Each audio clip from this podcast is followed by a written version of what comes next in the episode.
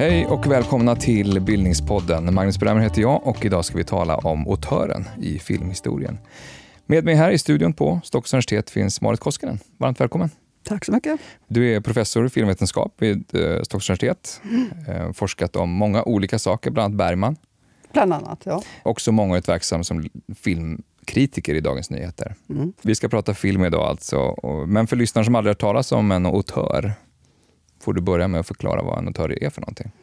Ja, en notör, alltså det är ju franska och betyder författare. Och mm, det uppkom, eller begreppet kom till och det är det man brukar hänvisa till i filmvetarkretsar och historiskt perspektiv.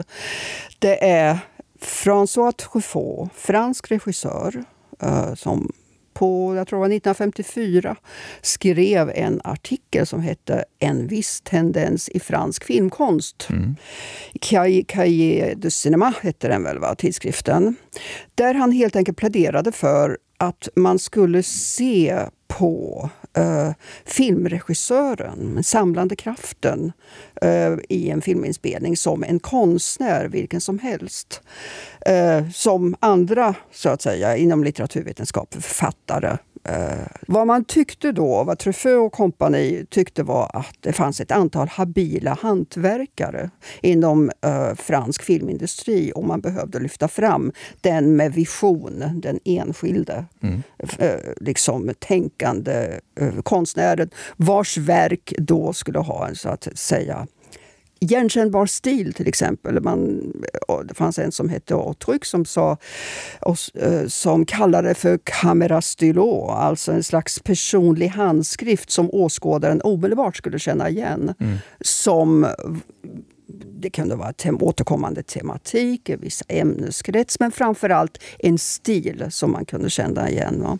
Men det är alltså, man pratar om Bergman som en demonregissör till exempel. Det är det har lite grann med det här att göra, den stora konstnärliga visionären. Ja, därför att man kan ju säga, och det var någonting som sen uh, anfördes mot auteurteorin. Det, det blir ju alltid så när man liksom lanserar en ny, i och för sig fräsch, bra, konstruktiv idé som sen också får en, en uh, så att säga, implementering i verksamheten, vilket jag ju fick via Truffaut. Han mm. var ju en kritiker och det uppstår ibland såna här underbara historiska parenteser. Han var ju en kritiker som faktiskt blev en bra regissör. Mm, han började som kritiker. Alltså. Annars brukar ju vi kritiker, du och jag, ses som en slags finne på konstens vackra ansikte, eller hur? Men här var det, gjorde man någonting av det. Eh, Bergman, ja, han tillhör liksom den svenska eh, utlöparen, men på en ska vi säga, helt annan eh, finkulturell nivå. Jag menar, Truffaut och Godard och killarna, de, eh, för det var väl ofta killar vid sidan av Agnes Varda, eh, skulle ut på gatorna eh, och göra en mer realistisk, eh, vardagsnära eh, eh, film. Bergman var ju väldigt bokstavstrogen och studiotrogen egentligen jämfört med, med det. Men lika fullt, ja, du har rätt i att eh, makten på ett sätt eh, skulle ges till en enda person som ändå hade en vision. Mm. Oavsett hur den då såg ut eller eh, fixades i själva produktionskontexten. Ja, men den här tanken med, med en regissör som den konstnärliga visionären och, och som eh, den stora hjärnan bakom filmen är ju mm. rätt etablerad idag. Men det här var inget som var självklart när François Truffaut skrev den här Eh, texten 1954? Ja, det är väl frågan där, kanske inte i en fransk kontext. Då, va? Ja, men det intressanta är att när det uppstår sådana här begrepp som får ett stort genomslag, det brukar ju, Eh, det brukar ju på något sätt tyda på att det har funnits antingen i i det här fallet i filmdebatten eller, och eller i verkligheten. Det är klart att det funnits, om man tittar på den svenska så kallade guldåldern på 20-talet. Ja, Viktor Sjöström och dem, de hade säkert mycket att säga till. Det var inte bara Selma Lagerlöf de var tvungna att liksom ta hänsyn till, alltså manusförfattaren eller upphovsmannen, kvinnan i det här fallet. Eh, det hade funnits i verkligheten, ungefär som motsvarande utan övriga jämförelser någon begrepp som Freud kom fram till. Låt säga bortträngning. Mm. Gångbart, alla vet vad det betyder, vi använder det till vardags, bla bla bla. det hade ingen satt egentligen ord på eller funnit ett begrepp för. Men lika fullt hade det funnits någonstans en slags erfarenhet i verkligheten som behövde fångas in. Mm. Och ibland så gör ju vissa begrepp där och autören är en sån. Va? Mm. Men är det så att vi talar om autörer fortfarande idag? Eller så har liksom regissören regissörer blivit autörer över hela linjen så att säga? Det är så stort och komplext begrepp. Det beror också på vilket land och vilken produktionskontext och vilken tid vi talar om. Va? Uh, egentligen. Uh, tittar man på en sån som, ska vi säga, en regissör, i amerikanskt perspektiv, en regissörshjälte skulle jag vilja påstå, i, nu, i nutiden, är en sån som Christopher Nolan. Mm. Som nyligen ju, som vi kände till, gjorde Oppenheimer. Uh, han har ju gjort ett antal Batman, Memento och så. Men så har man sett att den här ja, amerikansk säger jag, han är egentligen britt från början, men han har ju resurser och det är samproduktioner och annat och sånt där. Um, verkligen blivit alltså en, en filmmakare som förtjänar begreppet auteur i eh, det att han har en viss återkommande tematik. Memento handlade om tiden, eh, både i stil och innehåll, eh, tematik och så. Och Oppenheimer, ja då är man ute i rymden. Han har ju också varit där tidigare i Inception och allt det där. Va? Ehm, så att jag och Tör till, till vissa, ska vi säga, jag skulle ändå vilja kalla det en slags undantag. Jag mm. menar en Christopher Nolan, uh, en Ang Lee, några... Eh, Jane fall, Campion. Ja. Jane Campion för att ta uh, kvinnor. Uh, en Lisa Langset i mm. Sverige till exempel. Va? Du skulle säga att de, de är autörer, men vi, vi kanske inte talar om dem som autörer? Nej, nej. Så när är, när är guldåldern för, för autören som en, en ny roll. Alltså det börjar någonstans där på 50-talet i Frankrike. Ja, ja och sen eh, om det då handlade om till exempel, jag menar Truffaut var den första som gjorde det, eh, att eh, påpeka att trots att eh, man, an, man arbetade, en individ arbetade, en regissör till exempel, arbetade i ett givet system med sina krav i en produktionskontext.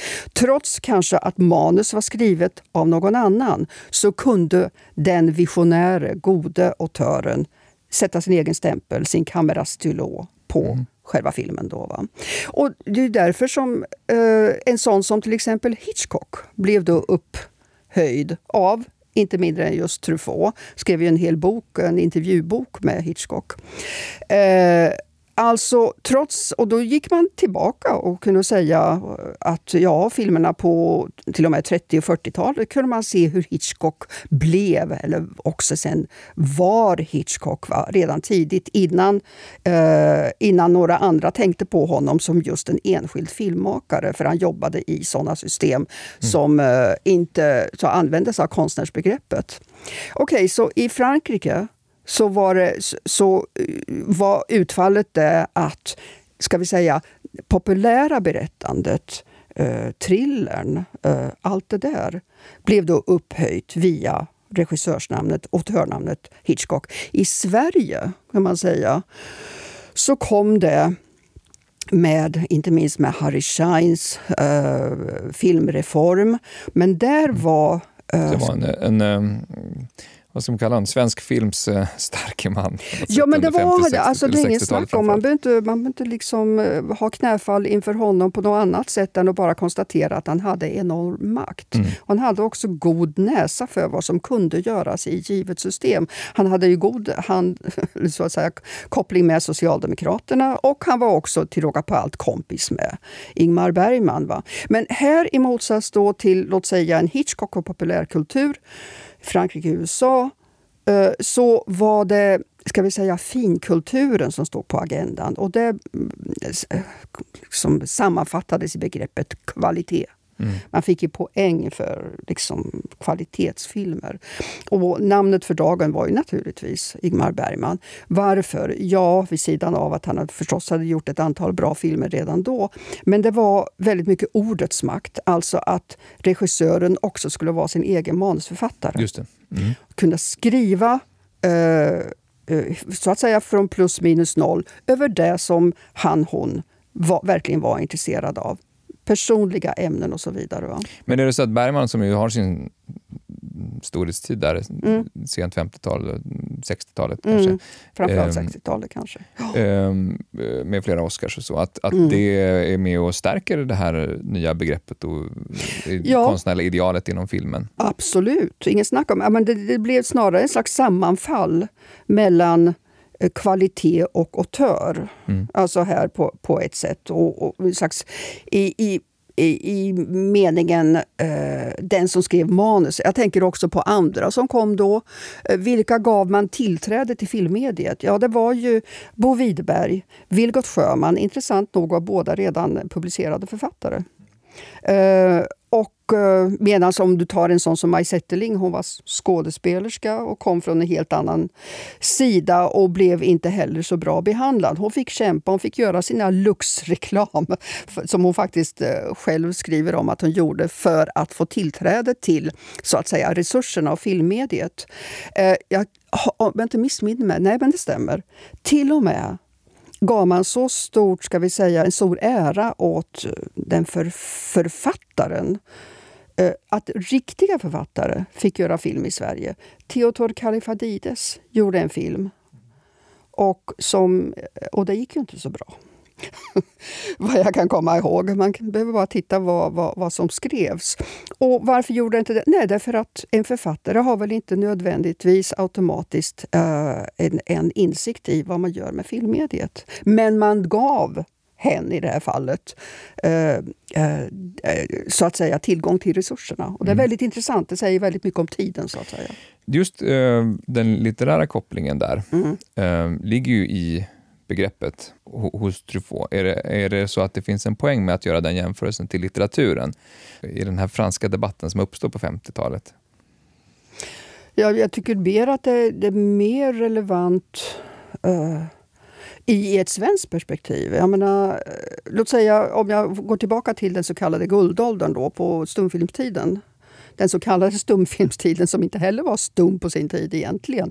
Men um, då handlade det om att höj, upphöja filmmediet. Det var ju alltså meningen att man, alltså det var medvetet att man gjorde så. Försöka upphöja filmmediet till den status som litteraturen då naturligtvis och konst och annat hade tillskansat sig. Va? Eller, uh, och, och då, då eh, det är väl därför man kallar det guldåldern, därför en sån som Victor Sjöström samarbetade med Selma Lagerlöf och att hon gick framförallt med på, hon tyckte det var intressant tydligen, va? att eh, få sitt manus ehm, eh, filmat av och överfört till ett annat nytt medium. Eh, likadant var det på Sverige, alltså på, på 60-talet. Då handlade det om på något sätt att också rädda filmen undan då kom sexvallen och då, det var hela tiden en censurdebatt och sånt där va, som vi tyvärr inte blev av med då. Eller Shine försökte bli av med den, men det gick inte. Men i gengäld så höjdes filmen upp till ett slags nytt status ändå via de framgångar som till exempel, eller främst, Bergman hade haft. Va? Både nationellt och internationellt. Så att i en produktionskontext alltså, så var det ju väldigt viktigt. Det ble, alltså, ett namn blev ju ett slags brand name också. Va? Det var liksom tillät resurser att rinna till. Uh, för film är ju som bekant ett dyrt medium att mm. verka i. Va? Mm. Mm. Vi ska fördjupa oss i flera av de här sakerna, ja. tänker jag. men ska man säga någonting kanske eh, direkt om bara fler eh, ikoniska autörer? Om vi tänker under de första decennierna efter att begreppet så att säga, kommer till och som är med och Oj, ja, men, eh, ja, herregud, jag skulle kunna räkna Ingmar Bergman och Maj Zetterling ja, nämnde du från Sverige. Ja, Maj Zetterling och Berg, eh, båda har vi gjort avsnitt om förresten. Som man kan ja, men det kom ju alla de här, alltså Antonioni och Fellini och du vet. Alltså, man, jag behöver inte ens nämna de här namnen utan det är intressanta i medieteoretiskt perspektiv det är det liksom att 60-talet var ju det stora eh, sexiga decenniet när det gäller film. Mm. Alltså när jag växte upp var ju liksom mediet nummer ett, det som man sprang ju på bio. Mm. Därför det var det man gjorde och där alla nya impulser kom från. Och så kom den nya amerikanska vågen med Easy Rider och alla de i slutet av 60-talet. Och det fortsatte in i 70-talet. Eh, nu är vi i ett helt annat landskap som bekant. Va? Eh, ungefär så. Mm. Så att man skulle kunna rada upp en hel, hel del namn, men mycket har sin rot i, ska jag vilja påstå, att 60-talet, då hände det grejer mm. inom filmen. Finns det andra saker som kan, som kan hjälpa till att, att definiera vad, vilken typ av roll det vi pratar om här? Är det så att det finns en, en, en fäbless för för självbiografiska skildringar eller en närhet till liksom det skapande jaget på något sätt i de här autörfilmerna? Eller eh, finns det någonting annat som, som liksom utmärker den här nya rollen? Mm, ja, det, det, är komplext. Det är, oh, det finns, ja, det är komplext på många sätt. Jag menar, eh, och paradoxalt, jag menar, titta nu på en 70-talsfilm som jag brukar ofta dra, eller drog för mina studenter. Um, som visar på hur komplext det är. Ta en sån som eh, Marie-Louise Ekman, uh, som då heter Duger Bergenstråle. Eh, hon eh, eller snarare, nu säger jag inte hon, utan Bergenstråle gjorde en film 1976 som hette Hello baby. Eh, och ja, när man slår upp den, vem är regissör? Johan Bergenstråle, hennes dåvarande make. Men så ser man filmen och så inser man ett, eh, Marie-Louise Ekman, nuvarande, har skrivit manus. Hon spelar själv på ett oefterhärmligt sätt huvudrollen i det, Baby en spirande konstnär. Eh, och hon målar eh, i filmen. Så målar hon, man ser hennes egna målningar, va? stora målningar, rosa och med dockor och du vet, hennes stil. Så man skulle faktiskt kunna argumentera att den här närvaron som man har via sin person, via sin självbiografi. Du är inne på den här att där fanns den, manuset var självbiografiskt. Och via sin konst så har det nästan blött över till uh, hur filmen ser ut, dess stil. Så är det någon som sätter sitt avtryck på den här filmen så är det... Så är det hon. Är det Men ändå så står hon inte undtagen. Så då är vi inne mm. på ett utvidgat autörbegrepp mm, mm. i högsta grad. Uh, så det, med det sagt att det är en komplex fråga helt enkelt. Jag tänker hos Bergman då till exempel. Um, um, så finns det väldigt mycket bearbetade barndomsminnen, åtminstone hans egen utsaga ja. och mycket tankar uh, om hans egna filmer på ett självbiografiskt sätt skrev självbiografi och, och så vidare. Men det gjorde han egentligen senare. Ja. Det gjorde han egentligen senare i, i, i, sitt liv. Det som gjorde honom, om man nu tycker han är intressant eller var intressant, det är ju att han kunde det finns självbiografiska motiv, eller det finns en, liksom en aura av någonting personligt som Truffaut var ute efter. Någonting, eh, men förlagt kanske till en helt annan tid i en helt annan kontext med vissa skådespelare som kom igen och där man liksom tilläts då tolka eh, tolka filmerna i sin helhet, men tolka dem biografiskt om man så ville naturligtvis. Va? Inte minst konstnärsmotivet som Bergman alltid var inne på mer eller mindre. Men på ett så att säga eh, indirekt sätt. Inte nödvändigtvis liksom one-to-one relationship mellan liksom en, en förefintlig person som är lätt igenkännbar i en enda karaktär eller så. Utan låg utspritt. Va? Och det är väl det som man menar gör honom till en intressant regissör. Uh, att han förmådde att göra detta. Va? Mm. Att det inte var enkelt. Att, att, men det som han ofta gjorde då, att skriva manus och att både regissera och skriva manus. Mm. Eh, hur vanligt var det bland alla de här namnen som du har, har nämnt nu som under Utarens guldålder? Alltså jag, jag, skulle vilja betona ändå att det var ett kollektivt det var samarbete, naturligtvis. Jag menar, låt säga så här, om du tar ett konkret exempel som belyser det här med att en regissör kan vara en auteur utan att skriva eget manus. Mm. Och samtidigt Eh, så, så finns det ett bra exempel. Jag vet för några år sedan, det var ganska många år sedan vid det här laget, så bjöd vi in på Filmvetenskapliga institutionen, hette det på den tiden, eh, en manusförfattare som hette James Seamus.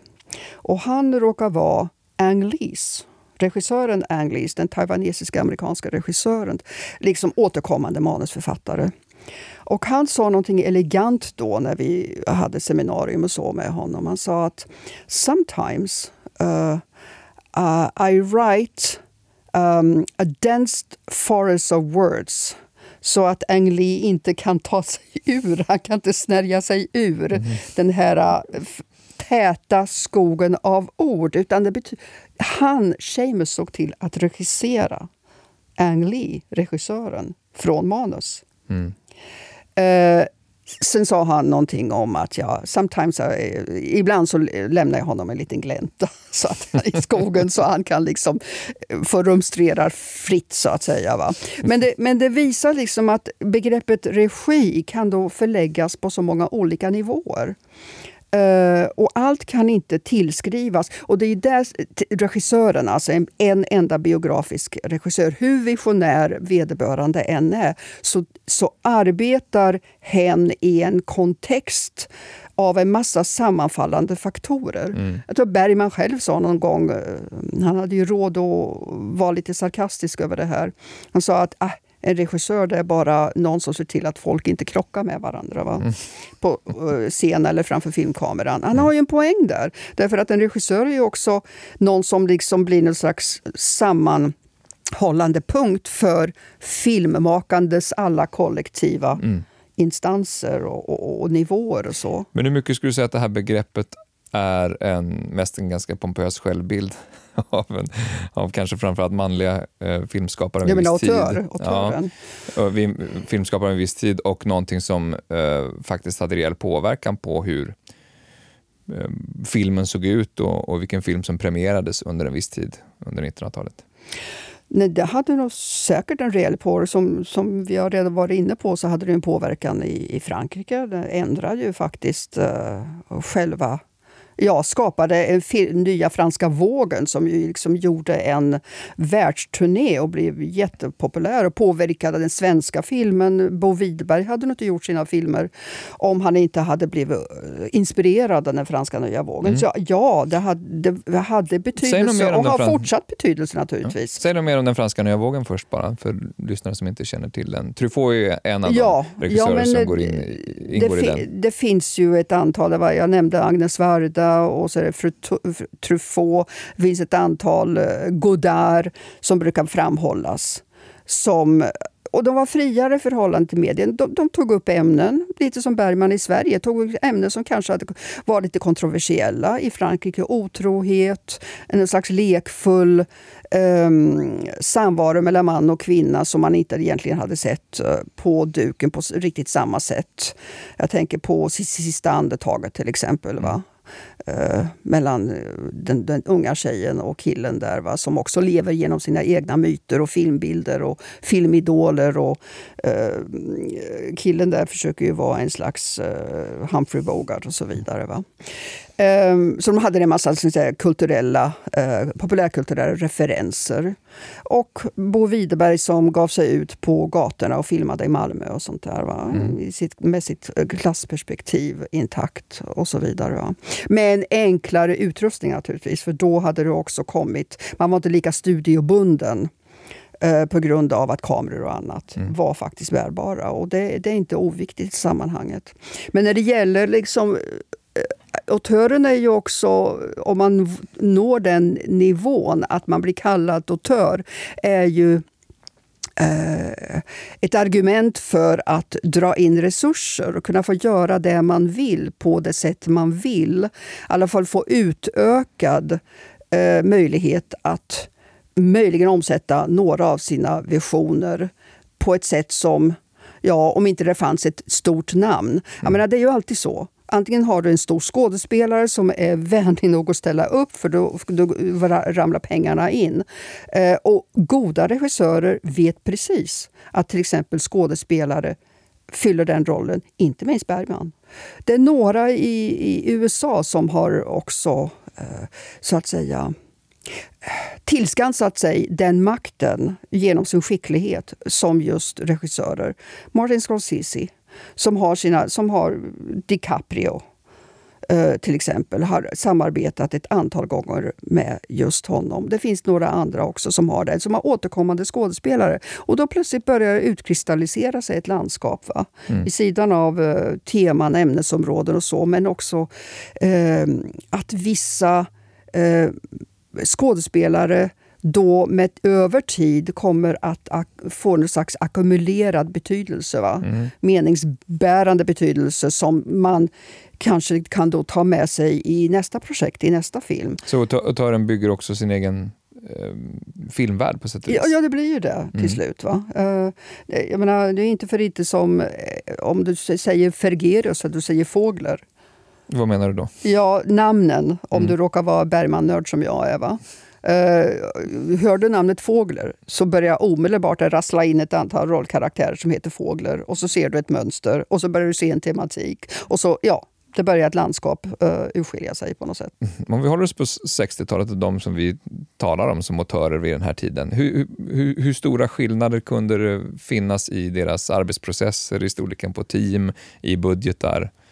Uh, är, är, är alla autörer ganska likartade i, i sin på det, Nej, det, det, tror jag inte alls. Utan det, det, fanns väl, det finns ju alltid ett visst eh, ska vi säga, urval. Som, finns någon slags hierarki där. Va? Mm. Uh, jag menar, på sin tid så Bo Widerberg nu brukar ju då omnämnas som Vilgot Sjöman också för den delen, Maj Zetterling, med någon slags reverens. Va? Men Bo Widerberg var ju verkligen inte så att säga den stora autören som vi i retrospektivt mm. har tilldelat honom en slags titel. Va? Eh, det har han väl inte. Han var, han var snarare, han upplevde sig kämpande mot ett givet system. Där då en sån som eh, Bergman stod emot hans intentioner för filmmediet. Mm. En sån som Shine stod emot och så vidare. Va? Så att det är ett komplicerat landskap. Mm. Här är väl, eh, apropå outsiders som också är autörer, är väl Roy Andersson ett intressant namn som är elev ungefär vid den här tiden och, och slår igenom tidigt 70-tal. Ja. Um, som också har skapat en väldigt egen filmvärld. Absolut. Han är ju omedelbart igenkännbar. Det är han ju. Jag menar, han är så extrem så att uh, han, han kör ju... Han är liksom ideologiskt förbunden med sitt begrepp, den komplexa bilden tror jag han kallar det för. Mm. Det vill säga att du får inte röra kameran. Och, så. Mm. och det är därför han märkligt nog uh, har klankat ner på sin egen debutfilm en kärlekshistoria genom hela sin karriär. Därför att han berättar helt vanligt då, va? med rörlig kamera och liksom, eh, med allt han förmår då som eh, regissör av sitt eget manus. En oerhört charmig och fin film. Eh, som vi vet en klassiker vid det här laget. Men i alla fall, och Men skiljer sig har, väldigt mycket från, från hans senare Ja, han senare. Liksom, han, är ju, han är stor utomlands. Han är oerhört... Liksom, han, I Frankrike så är det knäfall inför en Roy Andersson. Alltså. Mm. Och i England, jag såg att nu för ett eller två år sedan så hade de ju stora utställningar Eh, Eh, och retrospektiver av hans verk och läst långa essäer om hans speciella konstinriktade, liksom tavelinriktade estetik, tablå och allt det där som de tycker är jättefascinerande. Men vi har glömt att nämna ett namn, som eh, faktiskt en som kanske mer än någon annan, eh, Bergman inräknat, ehm, bör och kan kallas på alla boliner en auteur det är ju Jan Troell. Mm. Jag tänkte på hans debutfilm, eh, kom ju då, uh, långfilm i alla fall, Här har du ditt liv. Jag menar, och varför det? Därför att han fångar in alla de viktiga elementen i filmmakande. Manus, regi, egen fotografi, han är ju fotograf också. Uh, klipp och inte minst ljud. Man glömmer ju ofta att filmen är ett audio audiovisuellt medium. Och där eh, har han täckt in nästan allt man kan täcka in för att just kunna använda sig av de verktyg som finns för att och, och, och få fram sin så kallade vision. Mm. Um, och det har han ju förblivit. Mm. Han är en, en, en starkt verkande inom auteurtraditionen och kanske med mer rätta än flera andra. Mm. Ja, men där, har du två ex, ganska extrema exempel på, på regissörer som har, vill ha, tycks det, väldigt stor kontroll över mm. filmskapande processen mm. på väldigt olika sätt, Röe Andersson och jag tror jag. Men är det så att, visst har också skapats väldigt meningsfulla samarbeten mellan exempelvis regissör och fotograf, kanske i Ingmar Bergmans fall med Sven Nykvist. Finns det andra sådana roller som, som har varit helt avgörande för att en viss autör ska ha blivit ett stort namn? Ja, jag är övertygad om det. kanske bortglömda lite mer än Sven? Ja, jag tror framför inte bara bortglömda, men jag tror de inte uppmärksammas så mycket av recensenter. Det har uppmärksammats i kritik och så, va? överlag i dagstidningskritik, som eh, de borde. En lite ovanlig sån är väl, eh, som man inte tänker på heller så ofta, det, det är rollsättning. Mm. Redan där mm. ligger det ju en, eh, ett slags regiskap, utövande. Uh, och det vet jag att jag läste någon, för länge sedan någon uh, intervju med en svensk rollsättare som sa, som sa just, just detta att vad konstigt att ingen tänker på att uh, hade jag tagit den skådespelaren istället för den så hade det blivit en helt annan film. Mm. Helt, helt andra förutsättningar. Och det är så sant. Kom att tänka på, återigen ta en sån amerikansk film, för jag är hopplöst insnöad på tidig 60-tals amerikansk film framför allt. Eh, jag läste någonstans, jag höll på att ramla av stolen, att Mandomsprovet där ju Dustin Hoffman mm. gör mm. sin fantastiska debut eh, som skådespelare. Gissa vem skulle ha spelat den rollen egentligen? Mm. Det har jag hört någon gång, men jag kommer inte på det. Du har hört någon Robert Redford. Mm. Det har blivit en annan film. Alltså det, det, bara snurrar runt i huvudet. Men såna, såna som du då? Filmvetare, filmforskare, filmteoretiker. Vilken påverkan har de haft på, på den här traditionen?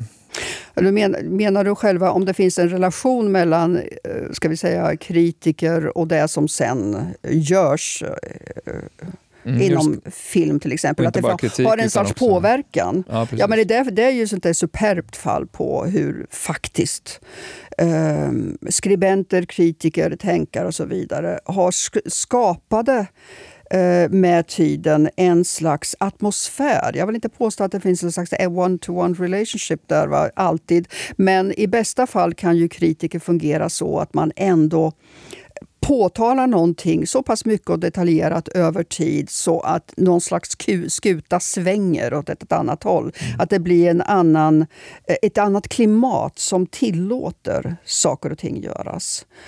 Um, på 80-talet, jag tänker på hur den, uh, ska vi säga, smala uh, teoretiskt orienterade traditionen som då som nu är en tradition, uh, kom till världen och började eh, utvecklas, hur den i sig då skapat en poesi till exempel, som folk inte begrep. Mm. Som var väldigt teoretisk och anemisk, påstås, påstår vissa.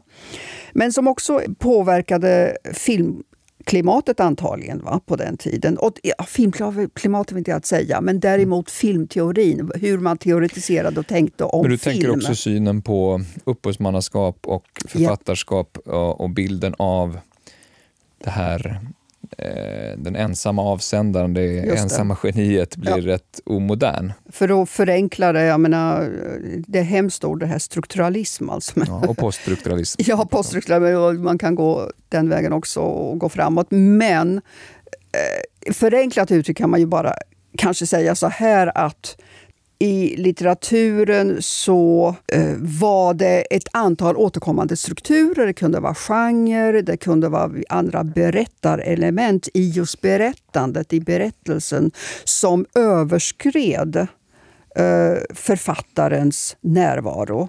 Att författaren egentligen var någon slags offer för den litteratur som hade kommit före honom, henne eh, och som eh, man så att säga inte, an, inte kunde annat än vara dömd att återupprepa. Mm. Eh, att hela tiden förhålla sig till. Och till exempel inom filmen så, och filmteorin så kunde man säga något liknande. Att genre till exempel, eh, genreberättandet var, hade vissa fasta strukturer som så att säga såg till att nästan berätta sig själva. Och det var bara någonting som regissören kunde förhålla sig till på ett eller annat sätt. Mm. Men då, Där kan man väl säga mm. att filmen på, på 60-talet skiljer sig ganska mycket från, från exempelvis litteraturen och konsten som under den tiden i väldigt hög grad handlar om att lösa upp det enskilda konstverket med konceptkonst och annat. Även inom litteraturen att ifrågasätta vad ett litterärt verk är. Och sen har vi då dessa stora demonregissörer som som är allsmäktiga skapare av, av stora verk. Ja, lite försenat kan man ju tycka. Mm. Eller hur? Ja, men det är alltid så. Jag menar, modernismen kom, eller, kom till filmen mycket senare. Mm. Äh, än äh, till litteraturen naturligtvis. Där det fanns äh, Virginia Woolf och James Joyce och alla de som bröt upp språket redan på 10-20-talet. Så kom det egentligen ja, under 50-talet med filmer som Hiroshima Mon Amour. Mm. Och för även Smultronstället, för att ta ett riktigt klassikerverk av Bergman, där, men där ändå så den modernistiska berättandet med många lager, med det förflutna. Eh, det förflutet och framtid och nu flyter samman till ett enda. Va? Mm. Eh, en enda samtid på något sätt. Eh, ändå man experimenterade med berättandet eh, på ett sätt. Men det kom som sagt med kanske en 30-40 års försening till mm. filmen. Och här kanske det är något liknande som man kan se. Va? Är det så att, att uh, filmen i stort behövde göra upp med det här begreppet vid något skede? Och, och bilden av den här ensamma konstnärliga Ja, det skedde, ja, det skedde ganska tidigt en slags backlash. Eh, mm. Med rätta naturligtvis. För, det, för i, auteur, så säga, i kölvattnet på autören så följde ju liksom ofelbart en slags genikult. Mm. Uh, liksom allting som en given för, för, för, regissör hade gjort eller tagit i liksom geniförklarades. Och det är ju liksom en galen kantring det också, eller hur? Jag menar, det, det är att förenkla. Allting som förenklar det är så lätt för en akademiker eller en kritiker att, att förenkla saker, komplexa skeenden. Det är det vi gör hela tiden. Och Det gäller att liksom vara medvetna om att vi gör det via språket och via de eh, trender eller traditioner vi väljer att slänga oss i och utforska. Va? Det är lite som eh, ta Bergman, Scener ur ett äktenskap. Jag vet inte hur många såna här essäer eller böcker och annat jag har läst om just den här tv-serien som liksom, upp, som var liksom helt uh, Uh, individkoncentrerat på Bergman. Medan man naturligtvis kan tala om feminismens genomslag, om tv-serieberättandet, om helt andra kontexter. Och att den gjordes på 16 mm för att sen blossas upp. Mm. Och jag menar, helt andra produktionsvillkor. Mm. Men det där har i ett internationellt perspektiv, inte minst, inte minst i ett amerikanskt perspektiv, fallit bort. Och det är mm. det man gör när man koncentrerar sig för mycket på det där. Vad skulle du säga att autören har för ställning idag? Och då kanske jag inte menar begreppet så mycket som den här rollen. Jag menar, på, på många sätt så, så, så, präglas ju landskapet för film och tv idag av helt andra ideal. Writers room för tv-serier som, som produceras på löpande band och med nya regissörer för varje avsnitt. Mm. Det är en väldigt kollektivistisk process. Men vilken, vilken ställning har den här, den, här, den här rollen idag? Den enskilda, enskilda konstnärliga visionären? Någonstans så blir jag alltid förvånad över ändå en slags motståndskraft som ligger i, uh, i, i, i, den här, i begreppet eller tankefiguren kanske man kan säga uh, på ett sätt. Jag menar, dels så är det naturligtvis handlar det om, som vi har varit, vi har varit inne på, eh, pengar Alltså, mm. jag menar, pengars och resursers kraft. Va? Och det här med en, att en brand name alltid finansierar och så. Va? Eh, men det är ändå lika fullt, tror jag, en sån här, som sagt en tankefigur. Att den, den, den, den betyder någonting för en, eh, låt säga en cineast som jag. Men det tycks göra det också i, liksom i strömningstjänsternas värld. Jag tänker på Uh, en sån som uh, uh, David Fincher. Jag vet mm. inte om du känner till honom så mycket. Ja. om jag ska nu rabbla upp några antal filmer han har gjort. Seven, Gone Girl, Zodiac, Social Network, Benjamin Button till exempel. Men han har varit instrumentell som producent och regissör till några avsnitt i den här serien som uh, lades ut på Netflix för flera år sedan nu. Men, ja, fyra år sedan tror jag det Som heter Mindhunter. Mm. Och den Eh, där har han då producerat och regisserat de första två eller tre avsnitten. Och sen avslutas serien med eh, ett par avsnitt eh, återigen av honom. I mitten så är det olika personer som då eh, regisserar. Eh, och det där, det där har ju naturligtvis ekonomiska, finansiella och finans, finansskäl. Va? Men, men eh, jag kan inte låta bli, och möjligen så bedrar jag mig själv. Alltså, men när jag satt och tittade på de första avsnitten tänkte jag det här är så snyggt. Det här, här är en människa som vet hur den här slipstenen ska dras. Va? Mm, mm. Och sen tyckte jag mig se att det bluddrades upp lite där i mitten, då, när vilka som helst kom in så att säga. Mm. Va? Och sen kom det liksom en snygg avslutning. Va? Mm. Och alltså, uh, Fincher vet vad man gör. Så att någonstans är föreställningen, åtminstone hos en åskådare som jag, seg. Va? Att man letar efter ett visst berättarsätt, en, en viss skicklighet. Uh, Kanske möjligen bara den gamla humanisten i mig som gör mm. det, vad vet jag.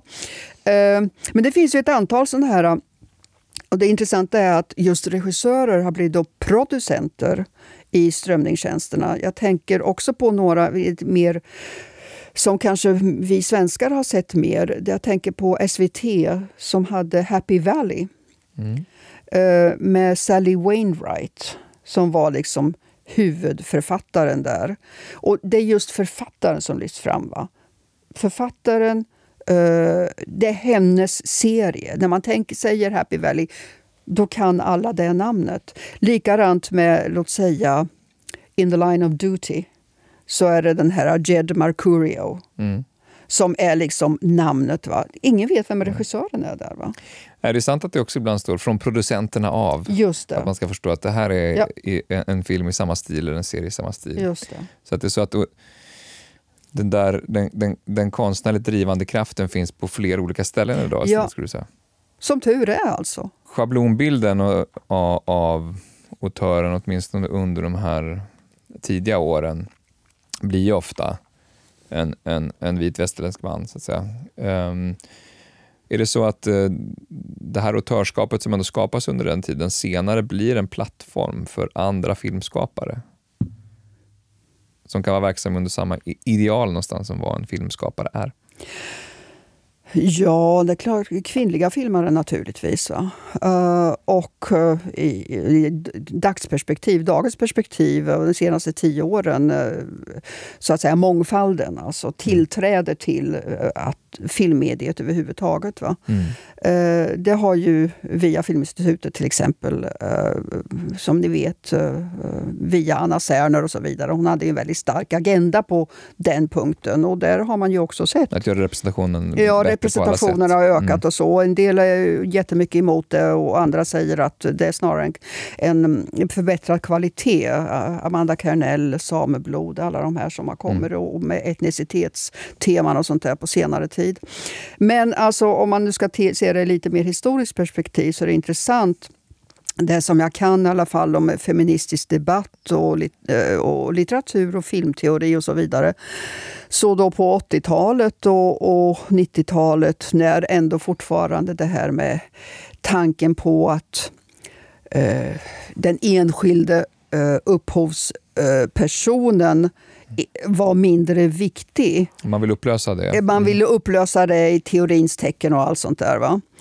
Ja, då, då förstår man ju att eh, man tyckte det var högst olyckligt från, låt säga, eh, i akademin att eh, feministiska filmvetare helt enkelt sa att ja men vadå, nu har det kommit, kommit ett antal eh, kvinnliga filmregissörer, skulle inte de kunna få status av autörer då? Va? När de har visat genom ett antal filmer. Plötsligt ska de undermineras. Det som de har gjort i den verkliga världen via sina filmer, via sina verk och så vidare ska då i, i teorins namn eh, undermineras och skingras för vinden på något sätt. Va? Så, så när kvinnliga regissörer etablerar sig på mer bred front och börjar ja. samtidigt och tar idealet ja. blir lite förlegat? Ja, ja det, det, är lite, det är lite märkligt. Lite alltså, att, att, att, lite ironiskt. Och jag vet inte hur mycket det ena påverkar det andra. Jag menar ändå så, så, och så. Men i vilket fall som helst så var det ju rätt av dem tycker jag att påtala alltså, kvinn, feministiska debattörer och teoretiker att det, är ju lite, det var ju lite märkligt. Mm. Eh, sen var det en annan, så är väl en annan sak vad det gjorde. För tittar man i nutida världen så ser man ju Greta Gerwig och Barbie-trenden och allt det där. Va? Det finns ju alltså hur många kvinnliga regissörer som helst. Alltså, jag såg just nu att det var en film som hade en kanadensisk, uh, uh, taiwanesisk kvinnlig filmare som fick fem poäng i dagens tidning. Jag kommer inte ihåg vad filmen hette. Jag måste gå en av de här nya filmerna som just har kommit från Cannes och sådär. Uh, så att mm. de och finns i, ju där. De finns där. I tidigare avsnitt när vi har pratat om stumfilmen så mm. får man också prov på hur global uh, filmvärlden är tidigt, och bland annat den japanska filmen där det finns mm. också många som kanske går ja, in ja, i den här traditionen av, av just autörer på det mm. sättet. Um, vad tror du, om du får säga lite om framtiden? Tror du att eh, det filmlandskap vi har idag och även kanske framförallt den, liksom den strömmade tv-serieproduktionen kommer den eh, skapa en ännu större hunger efter mindre produktioner eller starkare estetisering, stilisering av film eller så?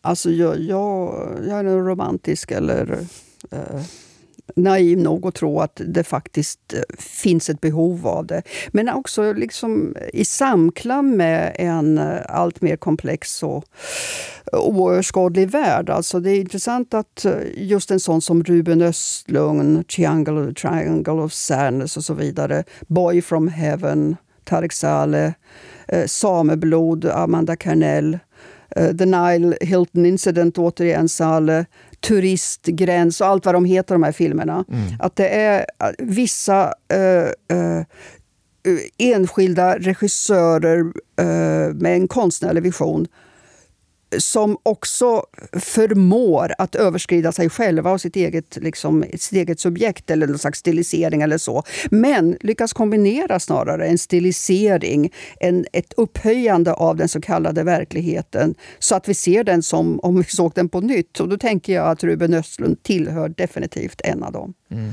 Uh, som lyckas göra det. Han lyckas karva en bit av den pågående verkligheten så att man ser den med liksom fyrkant, inom sin fyrkant uh, på, filmduken. Uh, som på ett nytt sätt, som mm. sagt. Och du tror att det, efterfrågan på det kommer snarare kanske bli större? Jag, tro, jag tror det. Om man är intresserad av rörliga bilder och bildmediet överlag.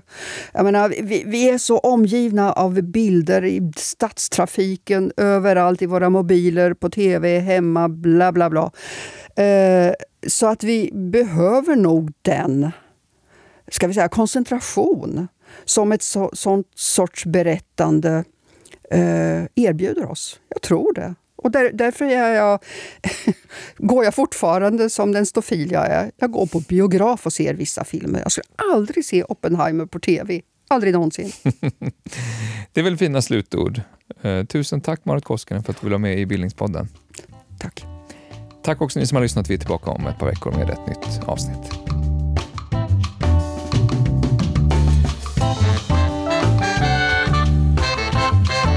Du har lyssnat på Bildningspodden en del av bildningsmagasinet Anekdot. Fler poddar, filmer och essäer hittar du på anekdot.se.